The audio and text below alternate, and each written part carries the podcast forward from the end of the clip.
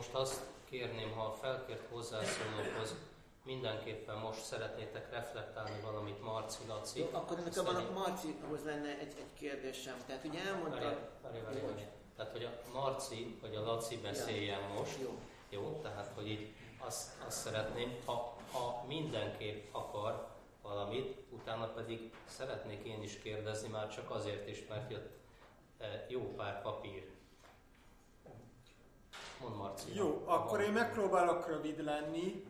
Szerintem nagyon sok értékes megjegyzés, kritikát kaptunk, és ezekre nem fogok mind válaszolni, hanem inkább kicsit szemezgetek, és, és kettő, kettő nagyobb téma köré gyűjtöttem, ami így nem feltétlenül konkrétan, hanem inkább így együtt reflektál. Az egyik az, hogy mi a kapitalizmus, amit leginkább te vetettél fel, és a kapitalizmus én úgy látom, hogy soha se volt egy szabályozott verseny. Tehát, hogy a, kapitalizmus nem a 100 méteres sífutásnak a döntője, ahol mindenki esélyekkel indul, hanem már a, a leges, már a kezdet-kezdetén, tehát hogy amikor mondjuk a, az angol bekerítésekről beszélünk, akkor benne volt az, hogy ez alakítja a saját szabályozását is, és olykor kötődik hozzá az erőszak. Tehát, hogy, hogy a kapit, ezzel nem démonizálni akarom a, a kapitalizmus, de, de, de, de mindig benne volt ez valahol, és ez kapcsolódik ahhoz, hogy mik a kapitalizmusnak a határai. A kapitalizmust én inkább egy gazdasági berendezkedésnek látom, mint sem egy eszmerendszernek, és én azt látom, hogy igenis most is tágítja a határait, hogyha úgy tetszik, a, a legújabb határok mondjuk a, a, az óceánok, tehát hogy meg a sarkvidék, könnyen lehet, hogy a bolygón túli határok is, könnyen lehet, hogy olyan társadalmak is, amik jelenleg még nem teljesen kapitalizáltak. Tehát, hogy ez, ez egy folyamatos folyamat, és pont a rendszernek az alapvető logikájából fakad, ami a profit logika.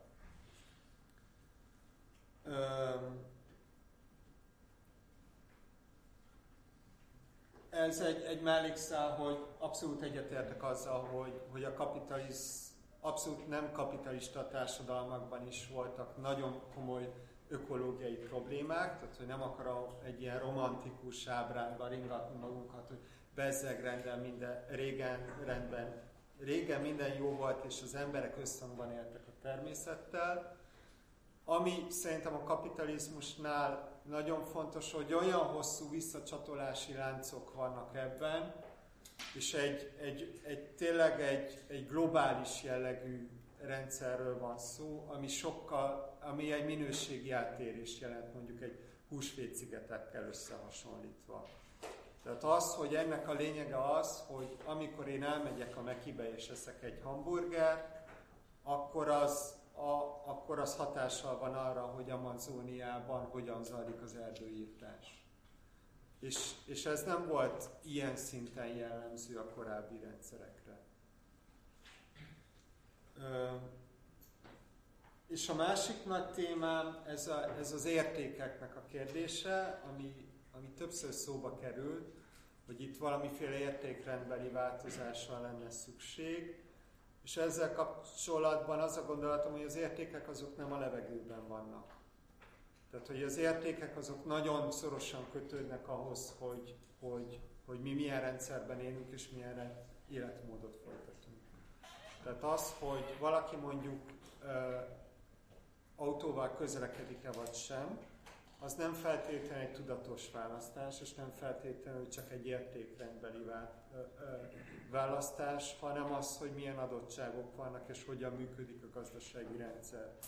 És ezért tartom fontosnak az, hogy, hogy, hogy menjünk túl az értékeken, és igen, kell a tudatosság, de alapvetően a gazdasági rendszer megváltoztatása is szükséges. És ennyi volt a rövid válaszom. Laci, és bocsánat, hogy nem reagáltam mindenre. Nem is engedtem volna. Jó? Ha, hozott. Köszönöm szépen. Egy pontot tisztázni, tehát én igazából ne, azt, azt hiszem, hogy nem azt próbáltam mondani, hogy ugye semmi nem működött mondjuk a 90-es évek elejétől, vagy 80-as évek végétől, amit, amit mondjuk megoldási szándékkal próbáltunk csinálni. Igazából azt, azt, azt mondom, hogy tehát nem működött olyan mértékben. Tehát ugye az elvárások azok voltak, ott volt egy elképzelés, hogy, hogy ezek a koncepciók, ezek a politikai gondolatok, ezek a technológiák, egyebek, amit akkor ott megpróbáltunk organizáltan mondjuk tá, hogy támogatni, az, hogy ezek, ezek, megfogja, ezek, ezek megoldásokat fognak jelenteni. És igazából, amit szerintem be kell látni, az, hogy, hogy voltak jó kezdeményezések, részeredmények voltak, de makroszinten, hogyha megnézzük most csak, akár csak a planetáris korlátoknak a tendenciáit nézem, akkor azt kell mondani, hogy ezek nem voltak elégségesek. Tehát ez tényszerűen, ez, ez, ez mérhető. Tehát nem voltak elégségesek, ez nem mindenképpen jelenti azt, hogy mindaz, ami történt, az, az, az, az nem volt jó, de, de semmiképpen sem volt elégséges.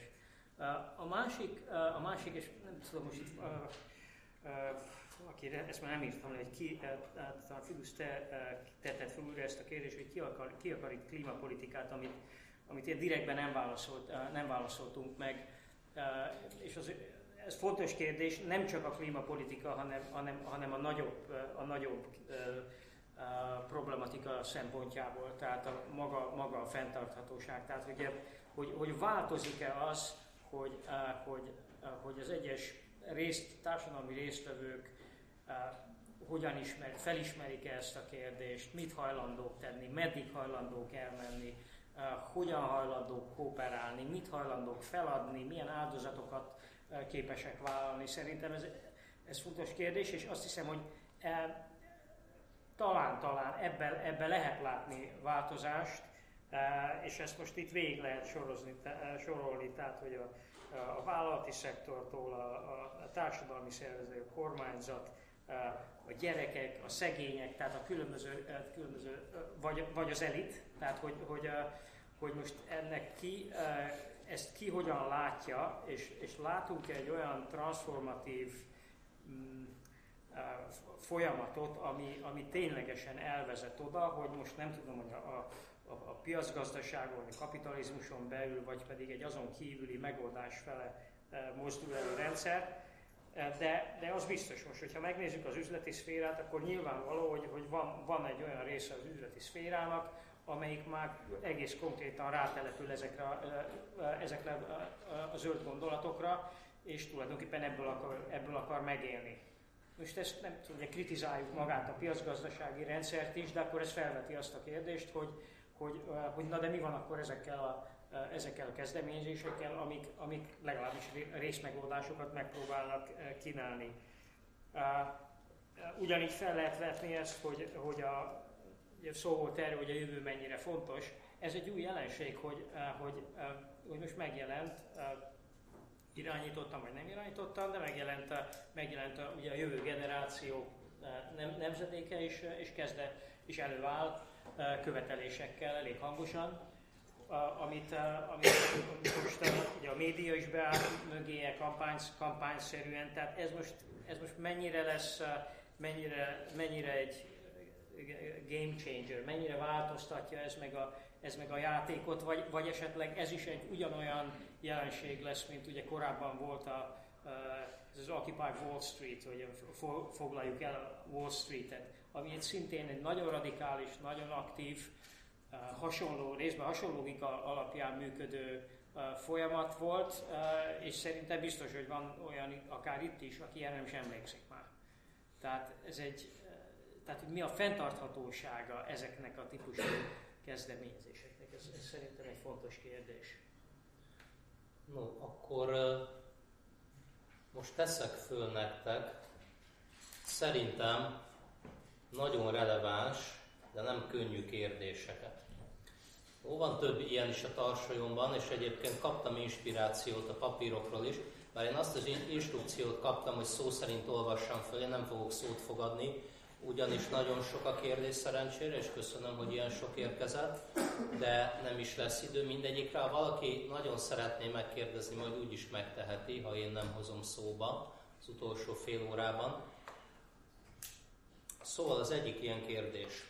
A Gergő, ha jól értettelek, te mondtad azt, hogy ez már nem is az igazi kapitalizmus, vagy nem az eredeti formája, ez a globális kapitalizmus, ami sok tekintetben, hát mondjuk azt, hogy például arctalan tulajdonosok vannak, arctalan szeretők, nem lehet a, a vállalatok tulajdoni a tulajdonosi struktúráját nagyon sokszor már nyomon követ, hogy általában nem lehet egy nagy multicégnél.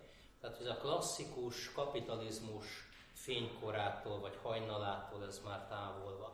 Igen ám, de nekem az a gyanúm, hogy kapitalizmus eleve összeegyeztethetetlen az ökológia, ökológiai és ökológiai gondolkodással, és megmondom, hogy miért, ezt vitaindítóként teszem föl. Azért, mert a kapitalizmusban már eleve a hajnalán sem voltak korlátok.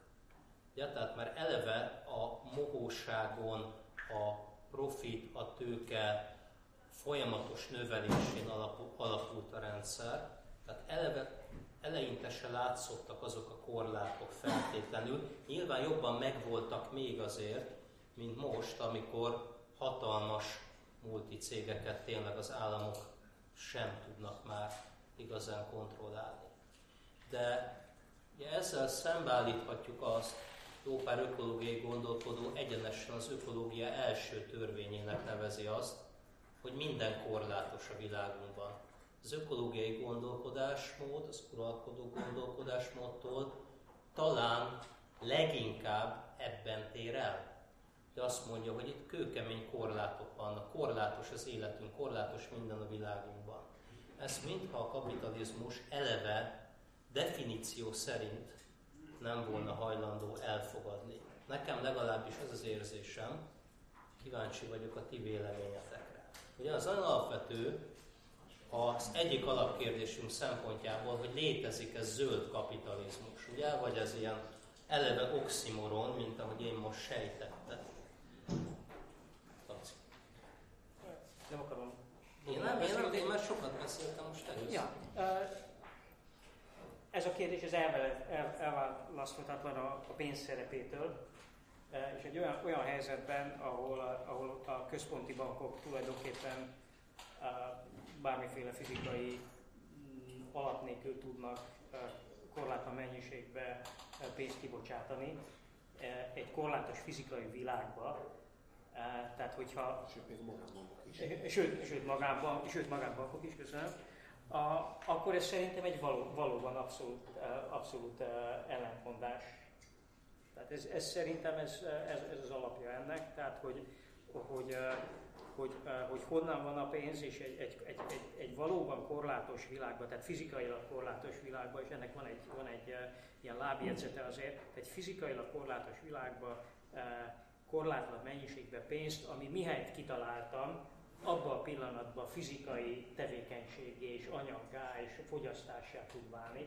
Tehát ez, ez hosszú távon ugye ezt, ezt nem lehet csinálni, az biztos. Ez az egyik. A másik, az aljegyzet itt az, hogy, hogy, hogy uh, az értéknek ugye van egy nem, nem anyagi vonzata is. Tehát, hogy a növ, mi növekedhet, ugye akkor azt, és hogy azt azért meg kell jegyeznünk, hogy, van, hogy, hogy nem anyagi értékek, azok, eh, azoknál a korlátok máshogy, máshogy működnek. És ezt, ezt tovább lehetne gondolni. Okay. Még a kérdésemmel kapcsolatban, ha többieknek van valami. Nekem van? Mondom. Nincsen.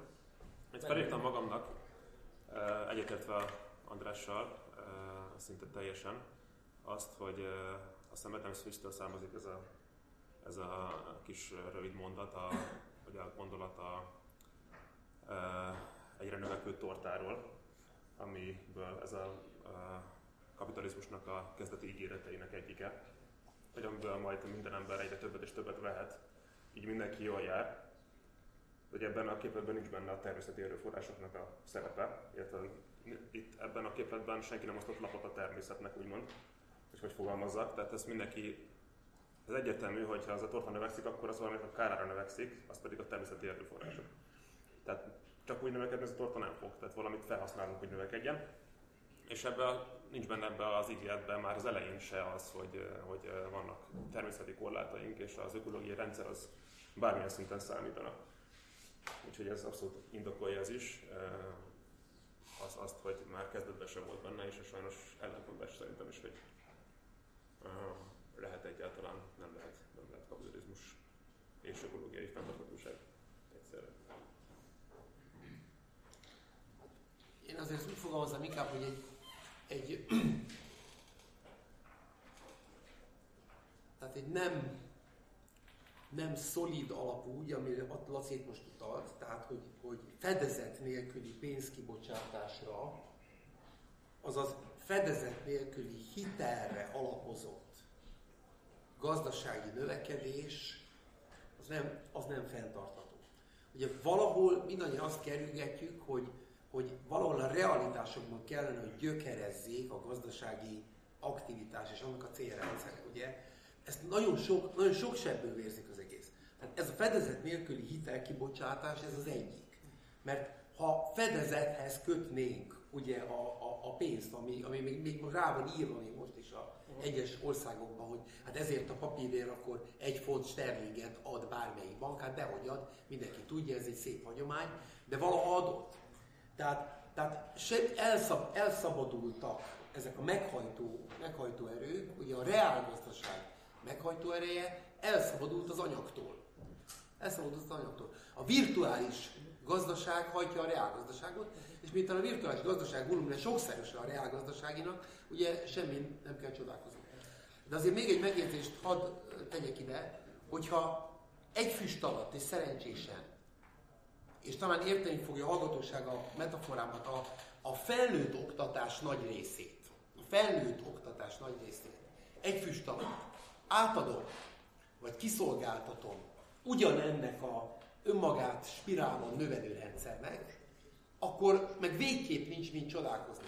A felnőtt oktatáson én azt értem, hogy mi az a folyamat és rendszer, amelyik leghatékonyabban tartja karban a vásárló erővel rendelkező lakosság értékrendjét, vágyait és céljait. És nagyon jól tudjuk, hogy ha, ha őszinték vagyunk, hogy ez a leghatékonyabban működő, állandóan működő rendszer, amelyik ezt végzi, az a reklám tevékenység. Amelyik egyébként valós emberi szükségleteket felvillantva, és utána a következtetések vonalán félrevezetve, radikálisan félrevezetve a vásárlókat, tartja fönn egy csökkenő népességű világban a gyorsuló fogyasztást. Gondoljuk meg. Ilyen ellenszében ugye nem lehet. És ennek az ellenszélnek a leállításához állami beavatkozás szükséges. Most, most, most, most csak a, kapitalizmusra vonatkozó kérdésedre, aztán később majd beszéltek a többiről, ugye? Hát jó, majd meglátjuk. Jó, hát na. kérdés, meddig akarunk itt ülni. Jó, jó, jó. De most, most erre, légy szíves, Na, most erre. tehát ez, ezzel kapcsolatban én úgy gondolom, és egy kicsit még visszamennék már a kapitalizmus előtti dolgaink. Tehát igazából azok a, az a kultúra anyánknak a, a, a mesé, amely igazából a születésünktől kezdve, nem csak az egy felső a születésünktől kezdve végig kísérket, ahogy Izmael mondta. Igazából már az a zsidó-keresztény rendszernek is az egyik fő üzenete az, hogy hajtsátok uralmatok alá a földet. Tehát ugye abban az időszakban, nem csak Eden korában, de még abban az időszakban sem látszottak a, a, az emberi tevékenységnek a, a, a tényleges korlátai. Jó, eltekintve néhány, mit tudom én, miért bomlott fel a római irodalom, meg egyebek, de, de azért alapvetően nem, nem voltak, nem, ezek nem voltak láthatóak. Tehát ezért, ezért még ez a rendszer is, meg a, meg a kapitalista rendszer is alapvetően tényleg ebben a, a korlátlan növekedés paradigmájában indult el, mert akkor ez még, még nem látszott. Most már ott tartunk, hogy bizony, már látjuk a korlátait a, a, a növekedésnek, de hát nem lehet ezer éveken vagy tízezer éveken keresztül ugyanabban a paradigmában élni, ezért mindenképpen most már a növekedés paradigmája helyett egy, egy új paradigmára van szükség, mondjuk a fenntarthatóság paradigmájára, vagy valami, valami hasonlóra. És ugye ennek kapcsán akkor még egyszer visszatérnek így a, a, a, ami, ami eh, pár évvel ezelőtti klímatörvény javaslatunkra. Tehát ugye ebben pont az volt az egyik ilyen elem, lett volna egy ilyen bemeneti oldali, input oldali szabályozásként egy ilyen energiakvóta, amely, amely pont azt az üzenetet próbálja közvetíteni, hogy, hogy a természeti erőforrásunk is korlátosak. És akkor ez aztán később, tehát hogyha van nekünk egy olyan intézményrendszerünk, amely képes másfajta értékeket, másfajta üzeneteket megerősíteni, az, az a társadalom értékrendjére is vissza tud hatni. Tehát én ezért egy, egyre inkább azt látjuk most már, hogy talán újra el kellene kezdeni egy olyan intézményrendszert javasolni a döntéshozók felé, amely, amely, amely a, a növekedés paradigmája helyett valamennyire olyan üzeneteket közvetít, és aztán ez, ez, ez, ez aztán befolyásolja az emberek tényleges döntését is, amely azt mutatja, hogy bizony a természeti erőforrások, a többi ez a világ, amiben élünk, ez korlátos. Hát majd remélem, hogy ha majd kinyitjuk ugye nem sokára beszélgetést, akkor majd valaki megvédi a kapitalizmust velünk szemben. Most úgy tűnik, hogy itt az asztalnál eléggé egyetértünk abban, hogy ha jól értettem mindenkit, hogy mégiscsak a kapitalizmus meghaladására, valamiféle posztkapitalizmusra lenne szükség, de akkor már rögtön fölmerül a kérdés, hogy mi ez, és ha nagyon könnyen jutnak sokan, mint ahogy most Marci is megkapta ezt, finoman úriember módon egyébként a egyik kérdésben, de mégiscsak megkaptam, hogy hát ha a kapitalizmus meghaladása az visszatérés az államszocializmushoz, tehát ebben a dihotómiában tudunk gondolkodni sokan legalábbis mind a mai napig, ebben a dihotómiában gondolkodnak, Úgyhogy a következő kérdésem az éppen az, hogy ha, ha most abból indulunk ki, és most induljunk ki egyelőre ebből, hogy ök, már csak ökológiai okokból is kapitalizmust igyekszünk meghaladni, akkor ez a pozitív vízió, egy újfajta társadalmi-gazdasági berendezkedés, amit itt felvázolunk, az vajon az államszocializmushoz képest hogyan fog kinézni. Úgy is kérdezhetném kicsit konkrétabban, hogy Marci, te mennyire vagy vörös. A szövetkezetekről is beszéltél itt, ugye, ami rögtön megint csak vörös posztó sokak számára. Nem tettél egyelőre különbséget a kolhozok és az általad preferált szövetkezetek között. A els, elsőként téged kérdezlek, de mindenki mást is eh, kérdezem erről a pozitív vízióról. Tehát ezt, és még egyszer mondom, az államszocializmushoz képest határozzuk meg, mivel annyira csak ebben tudunk gondolkodni sokan közülünk, hogy akkor most ez valami ugyanaz, vagy hasonló, vagy valami tök más, harmadik út, vagy negyedik. Nagyon szerencsés helyzetben vagyok, mert erről is van egy tanulmány kötetben Gilla Zsuzsa tollából, aki, a, a, aki a, az államszocializmusnak az örökségét ö, vette számba, és azt a kérdést tette fel, hogy, hogy van-e olyan, hogy szocialocén, tehát hogy legalábbis a világnak ebben a szegletében, hogy hogyan nézett ki az, ahogy viszonyult, tehát hogy a, a klíma, a klíma katasztrófa és a szocialista rendszernek a kapcsolata, és, és ami szerintem egy nagyon fontos gondolat, nem csak a Gilles Zsuzsától, hogy, hogy az államszocializmus, a létezett államszocializmus nagyon sok szempontból nem lépte túl azokat a problémákat, amiket az államkapitalizmus, vagy a, amiket a kapitalizmus bele jellemezték, ezért is hívják egyesek úgy államkapitalista rendszernek.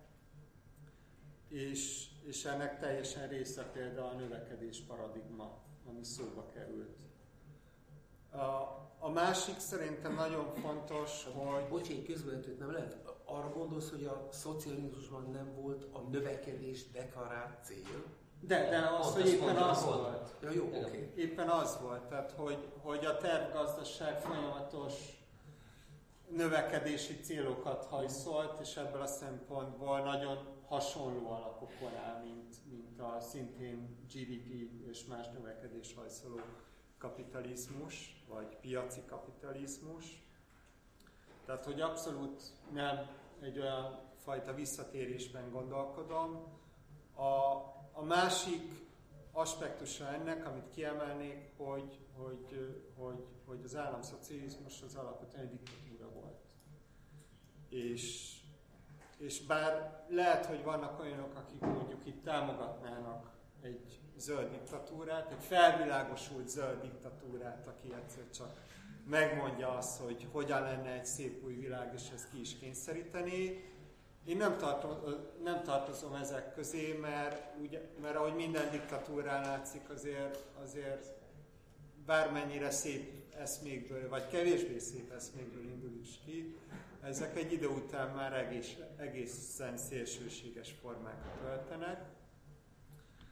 És, és én azt gondolom, hogy, hogy, hogy ez a fajta nevezzek új demokráciának, vagy szolidáris gazdaság lehet az alapja az alternatívának, tehát hogy a szövetkezetiség alatt nem erőszakos kolhozósítást értek, hanem inkább egy olyan szolidaritáson működő együttműködés, aminek a mélyén egy, egy, egy, egy, egy olyan felismerés van, hogy együtt lehet ezekkel a problémákkal szembe, vagy, vagy együtt lehet ezeket a problémákat kezelni, és e, aminek az alapja pont az a társadalmi reprodukció, vagy az élet reprodukciója, amit az előadásomban említettem. Köszönöm. Mondjuk így ki, hogy önkéntesen csatlakoznak Igen. a szövetkezethez ember, ez mindenki értse. Na, ö, Ami nem jelenti azt, hogy mondjuk ne lehetne mondjuk állami eszközökkel támogatni segíteni és egyszerűbbé tenni egy, egy szövetkezethez csatlakozást, de nem feltétlenül fülhősporttal, sőt. Na hát ugye nekem, tehát az, az, azt érzem abból, hogy, hogy tényleg ez a szolidáris gazdaság a, a fő dolog, amit ti ezzel kapcsolatban szorgalmaztok, és ugye azt mondjátok, hogy alapvetően így a szabályozás államok dolgokban nem. Amit manapság látunk, ugye az utóbbi időszakban, főleg így a főáramú sajtóban jön így a klímaváltozásra való megoldásként, az az, hogy hát az, az egyén ezt, meg ezt, meg ezt csinálja a saját maga. És, és ez e, tulajdonképpen itt a, a, az egyénre próbálja a felelősséget e, ráhárítani. Ugye ezzel kapcsolatban e, nem is tudom, néhány ismerős Pogitól, meg talán a Sölétromos Jenő volt az, hogy ez tulajdonképpen a multiknak a trükkje. Tehát ugye az egyénre próbálja rátolni a felelősséget, miközben ő pedig csinálja a saját dolgait. Tehát ez, ennek örülök, hogy, hogy legalább ezt a szintet nem említetted meg. Ugye, tényleg, igen, valóban az egyénnek fontos szerepe lehet ezekben a dolgokban, de lényegtelen, hogy most az egyénről beszélünk, vagy alapvetően ilyen szolidáris gazdaság, közösségi szintű megoldásokban gondolkozunk.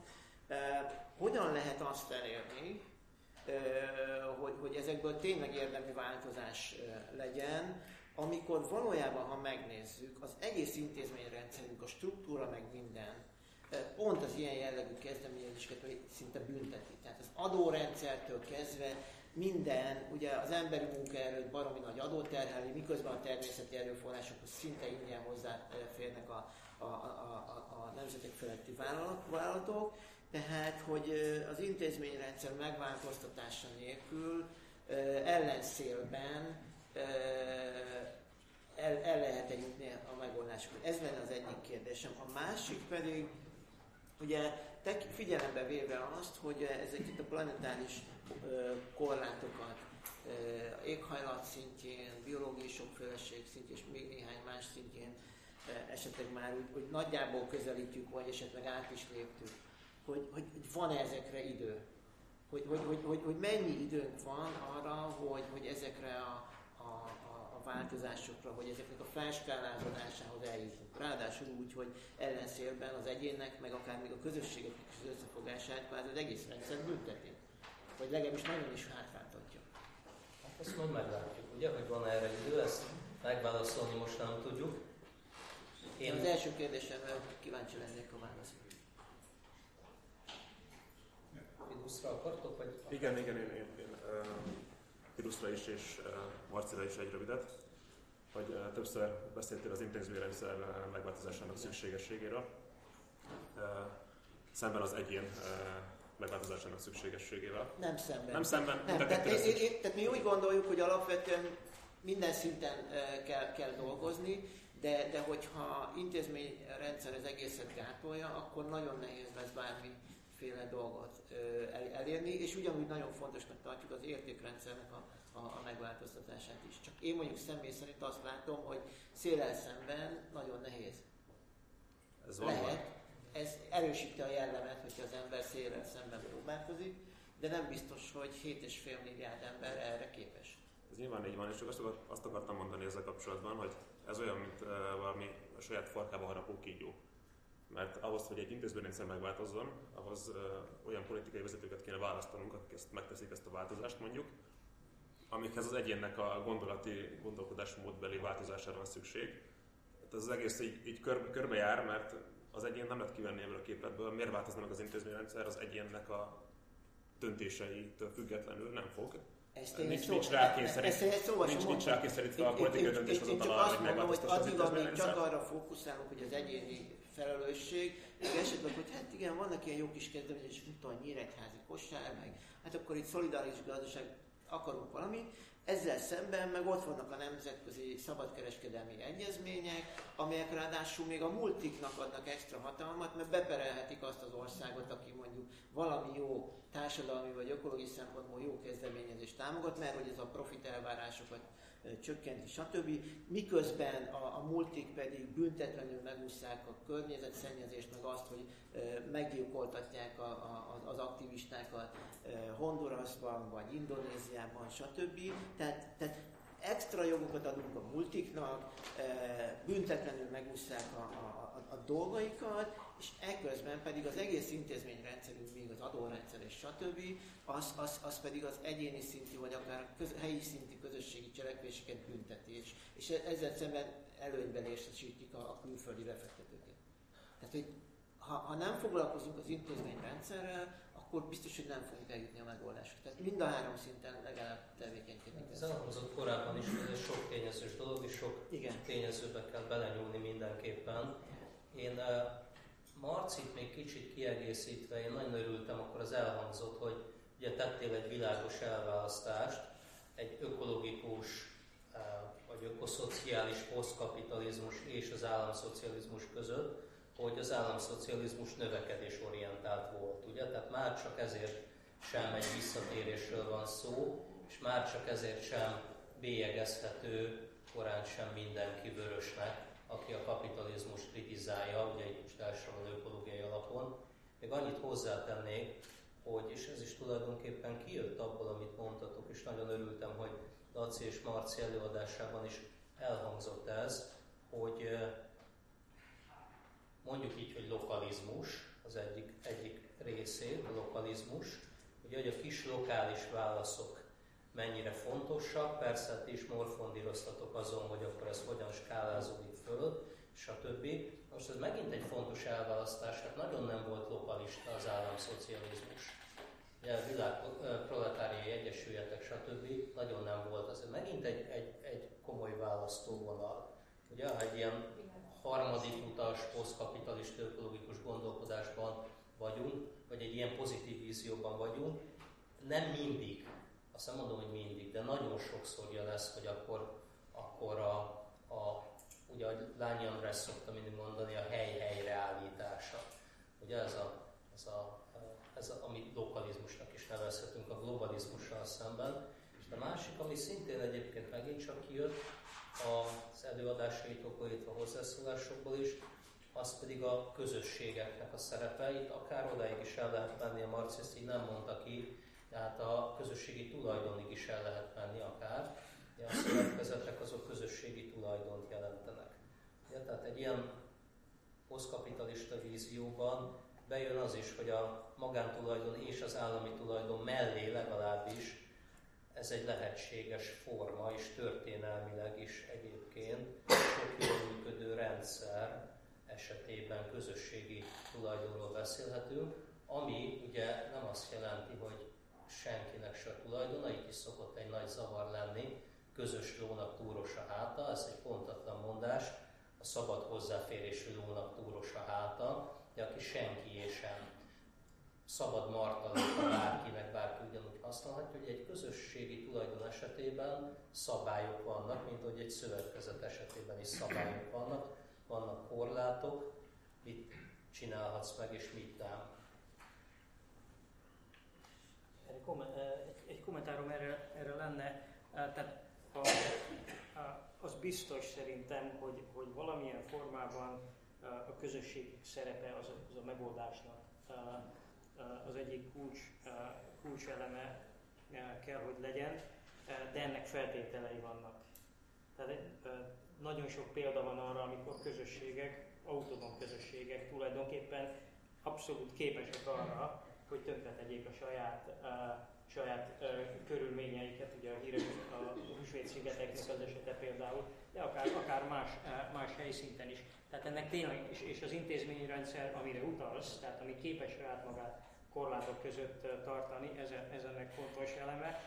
A, másik szempont szerintem, amit, amit talán ki kell mondani, hogy, a, hogy, hogy miért fontos, fontos a közösségek, mint, mint autonóm egységek, az, hogy, hogy az ellátóláncok, tehát azok a globális ellátó, ellátóláncok, amiben most mi csílei almát teszünk, egyebek, tehát ezek, ezek, nem, ezek nem a költségek túl nagyok. Tehát ahogy, ahogy ezek, az biztos, hogy szükséges lenne e, az ilyen típusú bio, bioregionalizációra, ahol az ellátó láncok azok sokkal jobban a közösség keretein vannak, és az utolsó gondolat itt az, hogy, hogy, hogy ennek a helyi szintű közösségi kontrollnak azért egy érdekes kérdés az, hogy hol van a vezetés, mi a vezetésnek a szerepe, és hogy hogyan kerülhető az, hogy tulajdonképpen egy helyi, a helyi szintű döbrögi típusú rendszer, mert tehát kellenek helyi szintű politikai struktúrák, amik ezt megakadályozzák, és valószínűleg a helyi szinten fő, magasabb szinten létező szabályrendszer, ami, ami, ami ezt, ezt meg tudja akadályozni. Ugye erre a standard válasz az szokott lenni, hogy alapvetően egy részvételi irányba mozduló demokrácia, és főleg deliberatív demokrácia, tehát deliberatív tanácskozó, amikor megvitatjuk a legfontosabb döntéseket. Röviden azért szeretnék visszatérni az est címére, ugye ki akar itt klímapolitikát. Tehát egy picit úgy érzem, hogy elkezdünk itt az eszközök alkalmasságáról beszélgetni, és elfelejtjük azt, hogy ha a célt nem helyesen tűzzük ki, akkor nincs jó eszköz. Illetve, ha a célt helyesen tűzzük ki, magyarul, ha a cél imperatív valamilyen tekintetben, akkor igazából többféle eszközt is be lehet szorítani olyan korlátok közé, hogy a célt ne hiúsítsa meg. Én nem mondom, hogy minden eszköz, de többféle eszköz. Tehát azért a klímapolitikának az elsődleges és kimondott célja az kell, hogy legyen, hogy egy nagyon nagy mértékű, hát nevezzük katasztrófának, és mindegy, uh, hát megakadályozom, hogy csillapítson. De minimum csillapítson, lehetőleg valamilyen szinten megállítson, megakadályozni. Ezt ki kell mondani, és ennek a törekvésnek, ennek a klímapolitikai célnak el kell foglalni a helyét egy nagyobb közösség prioritásai között. Tehát a politikai céljainak a prioritás rendszerében el kell foglalja a helyét. Ezek, ezek nagy dilemmák, ugye Sólyom elnök úrnak a, az akadémiai szék foglalja szót arról, hogy az alkotmányos értékeknek a rangsora az hogy állapítható meg? Ha, ha ezek ütköznének, akkor ugye milyen nagy dilemma ez, hogy akkor hogyan helyezem el őket?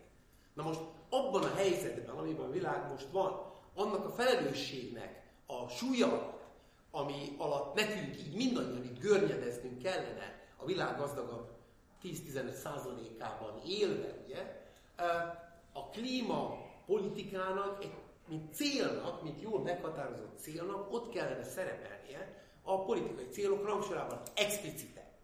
És ha ott van, és ott van, ahol van, akkor beszélhetünk arról, hogy milyen célokat lehet be, milyen, milyen eszközöket lehet bevetni ennek a célnak az érdekében, illetve milyen folyamatokat, milyen korlátok közé kell szorítani. Ugye a népegészségügy egy cél, akkor közterületen nem lehet dohányozni. Nagyon egyszerű dolog. Elérkeztünk ide. Tehát, hogy aki nem akar dohányfüstöt szívni, és akitől nem elvárható, hogy ne menjen be egy orvosi rendelőbe, ha nem akar dohányfüstöt szívni, akkor, akkor talán mégis érték akar Tehát egészen egyszerűen el kell dönteni, hogy a klíma van-e olyan súlyú kérdés Magyarországon ma, mint a dohányzás. Ez nem naivitás János a jelenlegi politikai rendszerben? Én nem arról beszélek, hogy ennek milyen esélyei vannak. Azért rendkívül érdekes része lehet a beszélgetésnek, és akkor, akkor lehet, hogy nem voltam elég eh, világos az elején, amikor én, én kezdtem, de, de én, én, én határozottan vitatkoznék most a, a Jánossal. Tehát amikor az a kérdés, hogy ki akar klímapolitikát, akkor én egyértelműen azt mondom, hogy én nem. Nem klímapolitikára van szükség, hanem ezekre az ökológiai változásokra, amelyek előttünk állnak, és, és egyéb változásokra, ezekre való rendszer szintű válaszokra van szükség. Ha, ha, ha belemegyünk abba a csapdába, hogy, hogy előtérbe toljuk azt, hogy klímapolitikát szeretnénk, akkor el fogjuk érni azt, hogy a nagy nemzetek feletti váltók, Monsanto, Bayer és stb. az ő álmegoldásaikat előtérbe tolják, azzal érvelve, hogy ez az igazi klímavédelem, stb. És eközben pedig lehet, hogy éghajlati szempontból esetleg egy pici jót teszünk, viszont a bolygó és az emberek életét más oldalon viszont teljesen még, még jobban tönkre tesszük.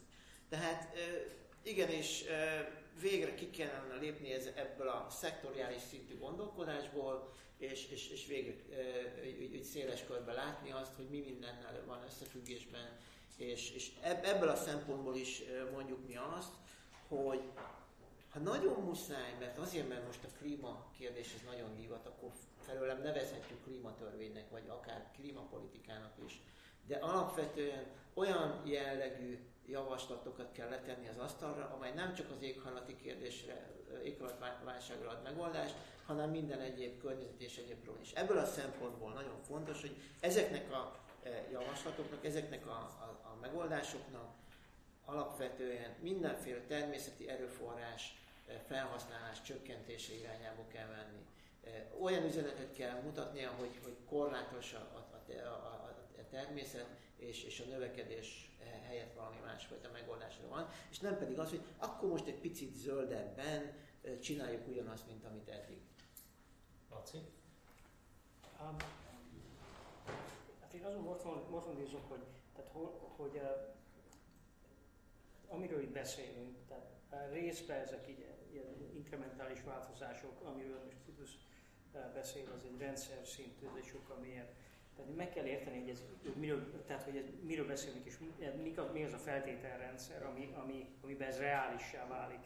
És egy politikai térbe és kulturális térbe mozgunk, és az a, tehát ezt fel kell, fel kell mérni, hogy, hogy most ennyi idő alatt ilyen mértékben, ilyen típusú változások, tehát, ugye, és ez visszamegy az első kérdéshez, tehát hogy ki akar nem csak, nem csak klímapolitikát, hanem ezt az egész, tehát ezt a rendszer korrekt, nem is korrekt, korrekció, hogy ki akarja ezt a választók között, tehát hol, hol, van, hol van a momentum erre, és hogy a vezetők tudnák-e egyáltalán, hogy, hogy ezt hogyan kell, hogyan kell levezényelni, vagy akár a szakértők meg tudnák-e mondani, hogy ez, hogy ez hogyan, és, és azt hiszem, hogy itt azért nagyon komoly deficitek vannak, vannak még, tehát így így kísérletezgetni tudunk, de, de úgy egyébként ennek ebből a szempontból nincsen akkora realitása, mint talán kéne, hogy legyen.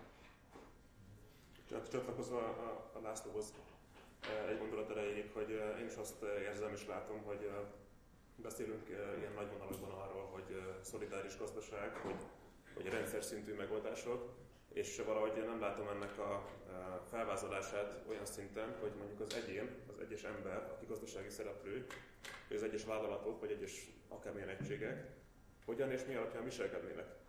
Úgy, ahogy mi szeretnénk. Mert a kapitalizmusban ott ez tök egyértelmű. Hát az ember bemegy boltba és az olcsóbbat választja. A vállalat növekedni szeretne, mert az jó lesz neki. Így gondolkozik. Ez egyetem, hogy ezt, ez látszik, hogy működik, mert ráül olyasmikre, amik az emberben benne vannak azért, a versengő érünk az bennünk van, még ha nem is kizárólagos, de ráült egy ilyen működő érzelmi berendezkedésre. És látjuk, hogy az emberek az ő helyzetükben miért döntenek úgy, ahogy a mai piaci körülmények között. Most hogy lenne ez másként egy másfajta rendszerben, mi alapján választana az ember mást a döntései alkalmával, mint most? Ez nincs felvázolva ilyen szinten. Azt, hogy szolidáris gazdaság, meg, meg, meg hogy uh, uh, rendszer szintű megoldások, ez egy átfogó fogalmazásmód. Ebben nincs benne ennek a részletes felvázolása, hogy el tudjuk képzelni ezt egyáltalán, hogy hogy működik.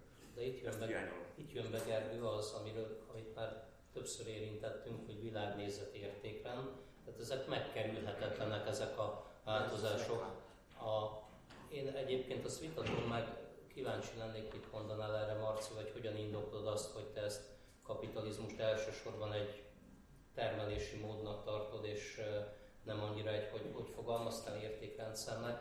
Szóval az a helyzet, hogy nem véletlenül beszélünk homo economicusról, ugye ez a, a úgy is hangzik, mint egy új faj, ugye? A homo sapiensnek valami leágazása, homo economicus, amikor az emberi természetnek azok a tulajdonságai domborodnak ki, amelyek ugye itt a kapitalista berendezkedésben előnyösek.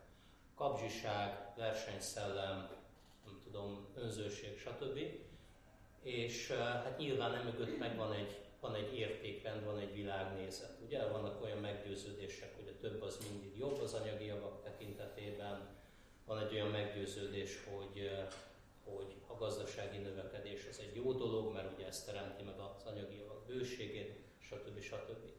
Tehát, hogy, hogy ezt nem állíthatjuk szerintem, sőt, azt állítom, hogy legalább annyira egy világszemlélet a kapitalizmus, és nagyon nagy mértékben meghatározta, meghatározza mind a mai napig a gondolkodásmódunk legmélyét.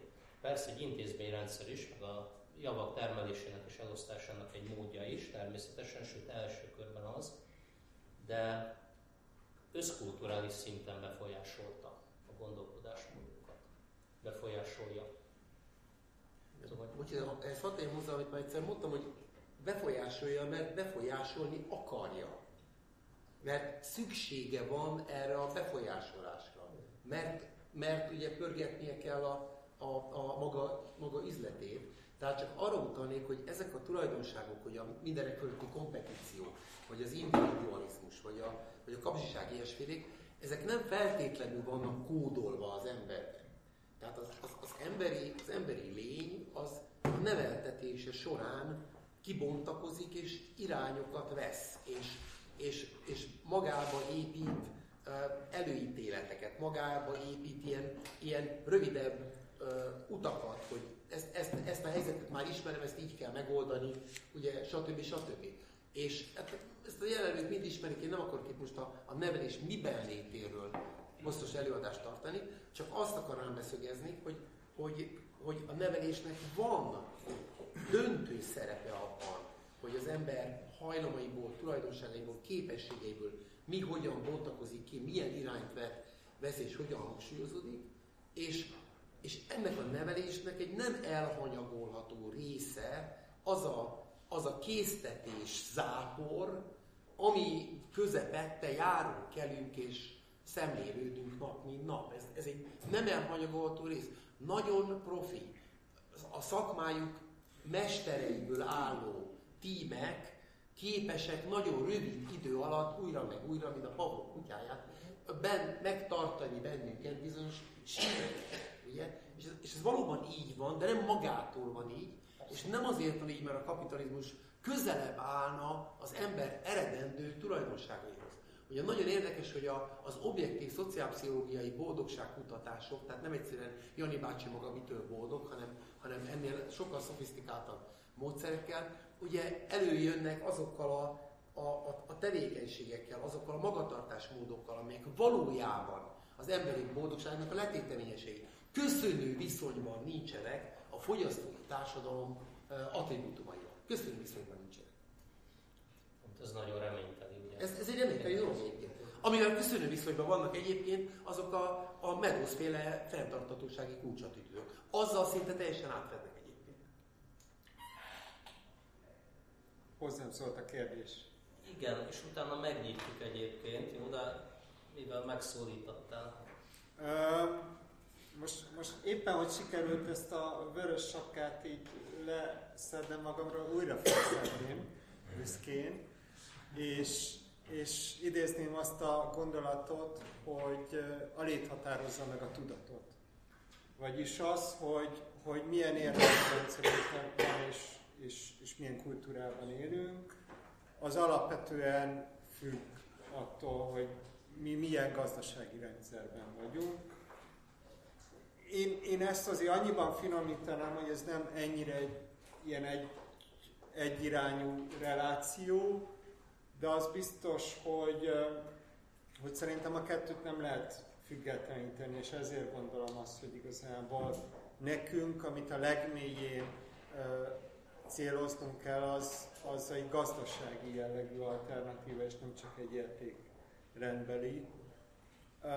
Ami egy nehéz kérdés, tehát hogy szerintem, szerintem itt, itt azért zajlik egy keresgélés, hogy, hogy hogyan működhet egy szolidáris gazdaság egy kis közösséginél jóval túlmenőbb szinten, de ugyanakkor meg, meg az is látszik, hogy egyszer nincsen időnk, és el kell indulni, és hajrá, és útközben meg majd kiderül, hogy hová tartunk.